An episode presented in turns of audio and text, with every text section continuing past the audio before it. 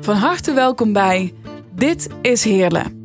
Een podcast over de mensen die de stad gemaakt hebben.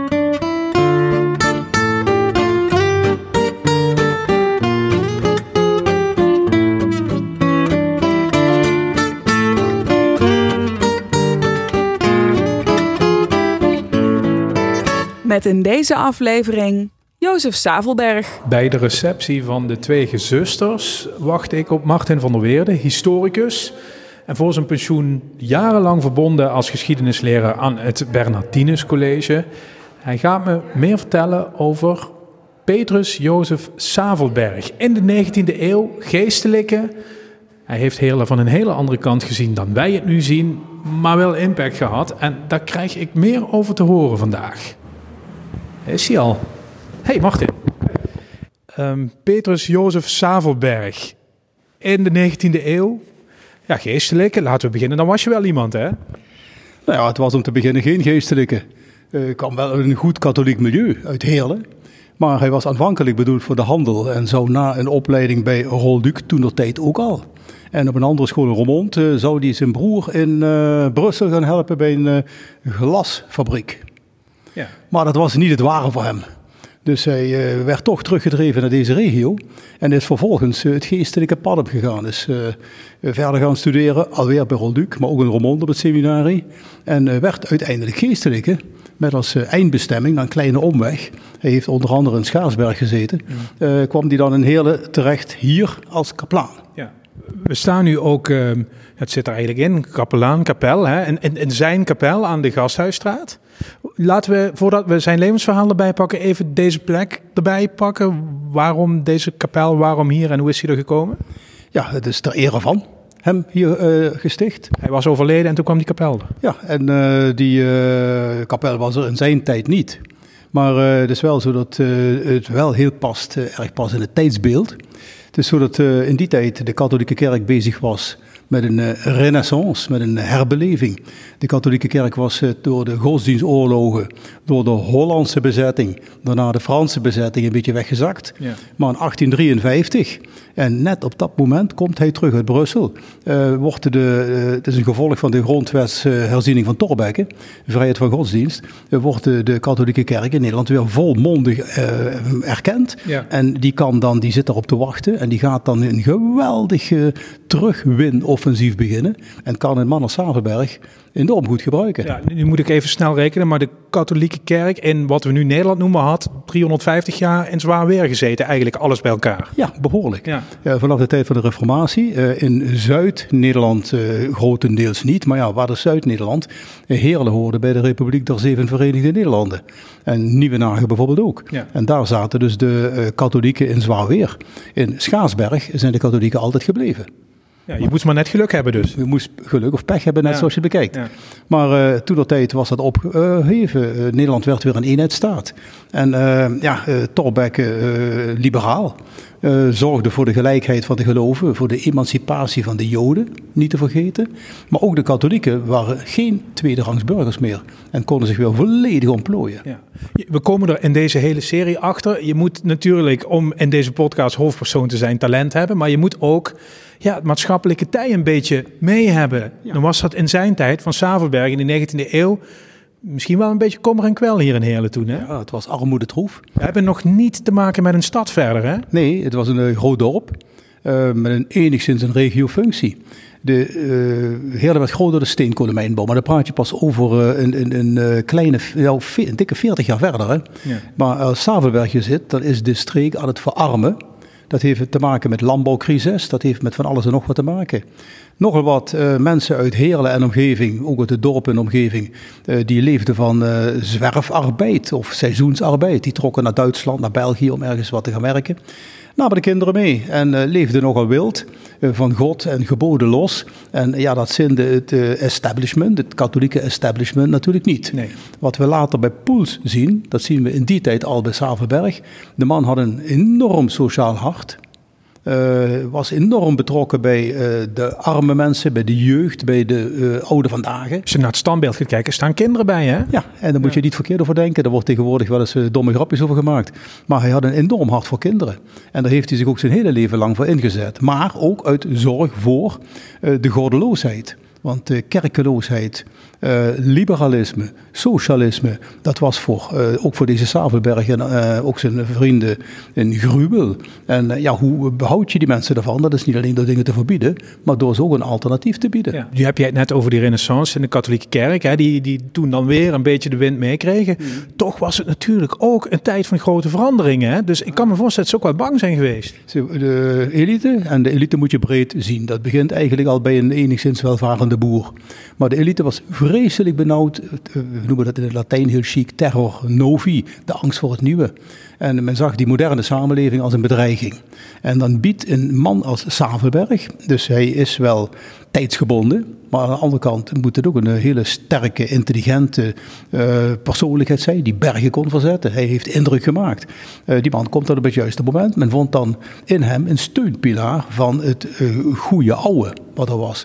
Maar wel met een sociale kant. Ja. Want je kunt de onderlaag van de samenleving niet aan zijn eigen lot overlaten. Je zult toch iets moeten doen. En dan heb je het over ja, de zorg voor kinderen. Maar ook, wat dacht je van onderwijs? Want er moest van alles gebeuren. Ja. Laten we even een, een, kleine maken van de zaken waar hij zich dan concreet sterk voor heeft gemaakt. Je noemt onderwijs. Ging die voor de klas staan? Hoe was dat? Uh, je hebt uh, ja, in het leger zou je zeggen troepen nodig. Die troepen die heeft hij niet zelf. Hij kan niet alles zelf doen.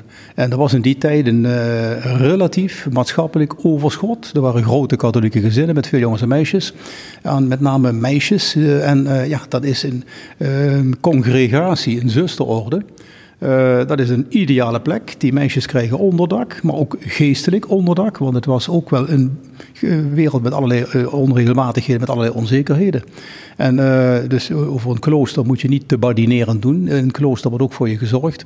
En als jij je dat thuis voelt en dan maatschappelijk nuttig werk doet, dan heb je dus zo al ja, tientallen, alles met elkaar honderden mensen die bereid zijn om uh, zich dienend op te stellen. Die niet zeuren over werktijden, die niet zeuren over uh, salaris. En uh, ja, die dan ontzettend veel werk verzet hebben. Voornamelijk op het vlak van onderwijs en gezondheidszorg. ze leerden daar lezen en schrijven, om maar even simpel te noemen. Die kennis konden ze doorgeven. Die konden ze doorgeven. En ook zich bekwamen in bijvoorbeeld het verzorgen van oude mensen, van zieke mensen. En dan is het de congregatie die hij gesticht heeft. de zusters van de heilige, de, de kleine zusters van de heilige Jozef. Uh, dat is dan een gouden greep geweest. Die heeft uh, op zijn hoogtepunt en het hoogtepunt wordt eigenlijk pas bereikt na zijn dood, uh, heeft dat zo'n 1500 deelnemers gehad. Daarnaast heeft hij ook een mannelijke orde, die kwantitatief wat minder uh, zo dan de dijk zette, maar ook nog gesticht. Dus heeft uh, twee geestelijke ordes, hier een heerlijke gesticht, waarvan met name die nonnencongregatie een netwerk gecreëerd heeft, alleen, niet alleen over de wijde omgeving, maar tot in Indonesië, tot in Afrika, dus ook in de missie, moesten mensen geholpen worden vanuit het oogpunt van Savelberg. En ja, dan ging men uh, niets ontziend. Dus niet zozeer van ik wil succes, maar ja, die mensen hebben ontberingen geleden in den vreemde om daar de mensen te helpen en het juiste geloof te brengen.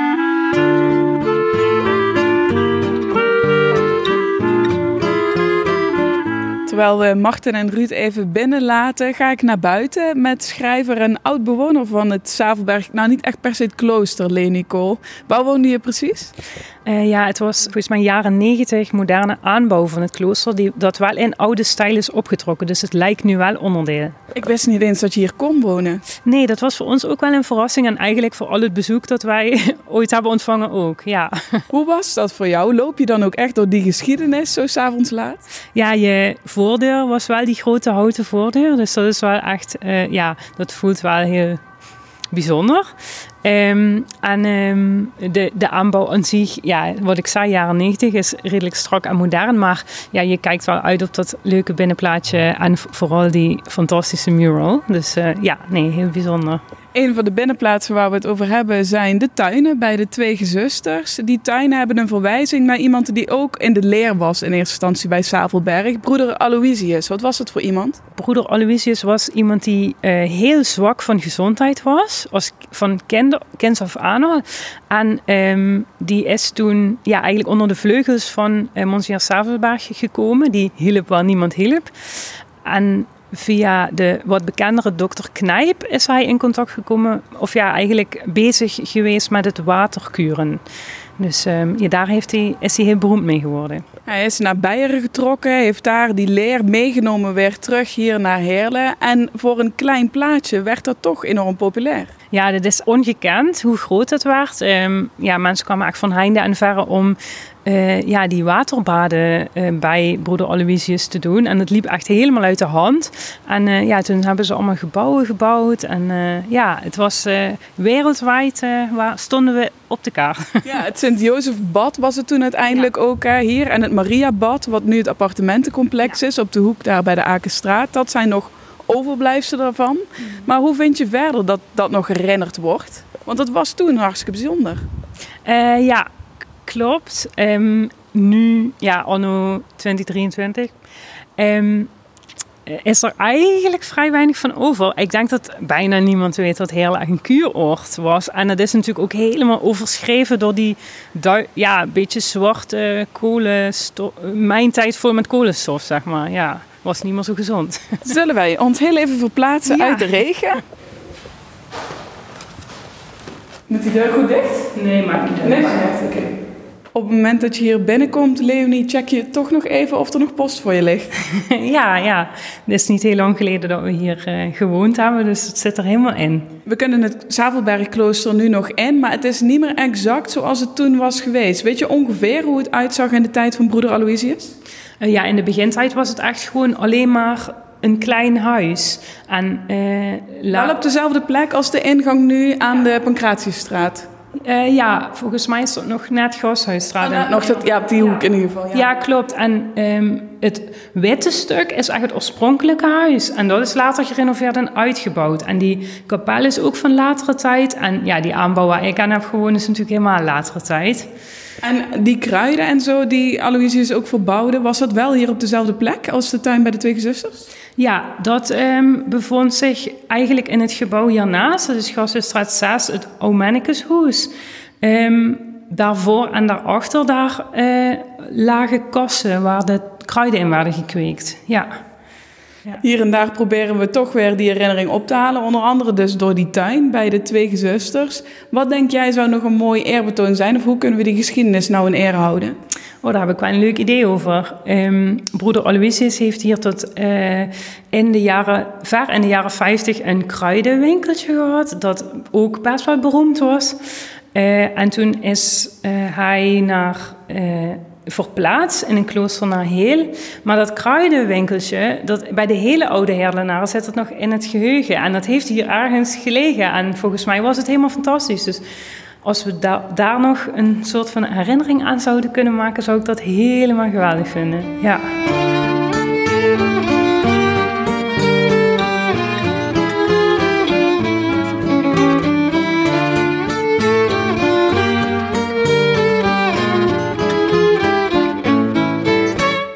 Terug naar Heerlen. Heeft hij dan met die congregaties, laat ik zeggen, de blauwdruk gemaakt voor bijvoorbeeld scholen, voor een ziekenhuis dat er later kwam? Nou, heeft in ieder geval een stevige bijdrage geleverd. Een blauwdruk zou ik niet zeggen. Maar uh, en bij ziekenhuizen is dat wel concreet. Hij heeft met de, uh, de naam is redelijk bekend, dokter De Wever, uh, heeft hij samen het startschot gegeven voor het eerste ziekenhuis, wat naar zijn geliefkoosde heilige, de heilige Jozef genoemd werd. Ja. Sommigen zeggen persoonsverheerlijking, want Jozef zit natuurlijk ook in zijn naam. Maar zo zal hij dat zelf niet gevoeld hebben. Dus het Jozef ziekenhuis aan de Putgraaf heeft dat tientallen jaren gelegen, of het, ik moet zeggen het Sint-Jozef ziekenhuis, eh, dat is mede zijn creatie. Maar ja, niet alleen zij, hij heeft dan de stootkracht, maatschappelijke stootkracht gegeven. De medische know-how en ook het organisatietalent op dat gebied kwam van, kwam van dokter De Wever. Ja, ja. We, we, kennen hem nog van het wevertje, hè? daar drinken we koffie als we een spuit in onze kont hebben gehad. Hè? Ja, het wevertje nog steeds. Ja. ja. Zij hebben wel de startschot gegeven van een, een behoorlijk goed georganiseerd Want het uh, Sint-Jozef ziekenhuis, later de Weverziekenhuis, had een geweldig goede naam. En heeft uh, tientallen jaren de voortrekkersrol vervuld. Ja. En Savenberg stond mee aan de wieg. Ja, er, stond, er zat veel kennis dus blijkbaar in zijn organisaties. Hij, hij deed dat dan ook goed. De man overleed in 1907. Hè? 1907. Dat was eigenlijk op het moment dat die mijnbouw zo begon op te komen in deze regio. Startschot is eigenlijk een kleine tien jaar eerder. 1896 kreeg Heerlen een station. Voor die tijd uh, leefden wij nog een beetje in de roes van de late middeleeuwen. En uh, vanaf het moment dat we een treinstation hadden, hadden we ook een verbinding met de, een, een soort navelstreng met de wereldeconomie. En uh, kon die grote hoeveelheid steenkolen die hier onder de grond lagen, ook goed geëxploiteerd worden. Dus 1896 is eigenlijk het begin. Maar ja, voordat dat grootschalig wordt, zitten we al in de begin 20e eeuw. Dus met name in dat decennium waarin uh, Savenberg komt te overlijden. Maar toen werd Heerlen heel snel een grote stad. Ja. Dus, dus voordat het hier ging ontploffen, wanneer dat gebeurt, moet je alle zeilen bijzetten, maatschappelijk, organisatorisch. Had hij gelukkig al laten zien hoe je een ziekenhuis eigenlijk organiseert, hoe je een beetje onderwijs neerzet. Dat, Ja. dat was er. Dat was er. En er, was er waren ook voldoende eh, krachten voor. Een lerarentekort was er niet, want er was een, ja, bij wijze van spreken kun je zeggen, je trok weer een blik nonnen open. En dan had je weer een eh, paar tientallen mensen die bereid waren om eh, ja, inhoudelijk kwalitatief goed werk te leveren met, met, met betrokkenheid. Nee, dat was er. En de man die eigenlijk over hem heen de schaduw later werpt, dat is eh, Henry Poels. Henry Poels borduurt feitelijk voort op het patroon van eh Savelberg. Ja, die, die kwam gewoon een aantal decennia later eh, met, met, en, wel in die bloei van de mijntijd terecht. Ja, en nou heeft Poels ook organisatorisch verschrikkelijk veel gepresteerd. Maar bij Poels zie je dezelfde gedachtegang. Dat is uh, de gewone heerlenaar. En dat werd dus in de tijd van Poels steeds meer een mijnwerker, een kompel. Uh, die heeft recht op een fatsoenlijk huis, een fatsoenlijke medische verzorging, een uh, fatsoenlijke vrije tijdsbesteding. En uh, ja, gaat dan van alles organiseren. Maar die angst op de achtergrond voor de uh, bedreigingen van de chaotische moderne samenleving, criminele Wild West taferelen in Luik, prostitutie, maar ook de politiek-maatschappelijke concurrentie van in de 19e eeuw waren dat nog de liberalen, in de 20e eeuw zouden dat steeds met de socialisten worden.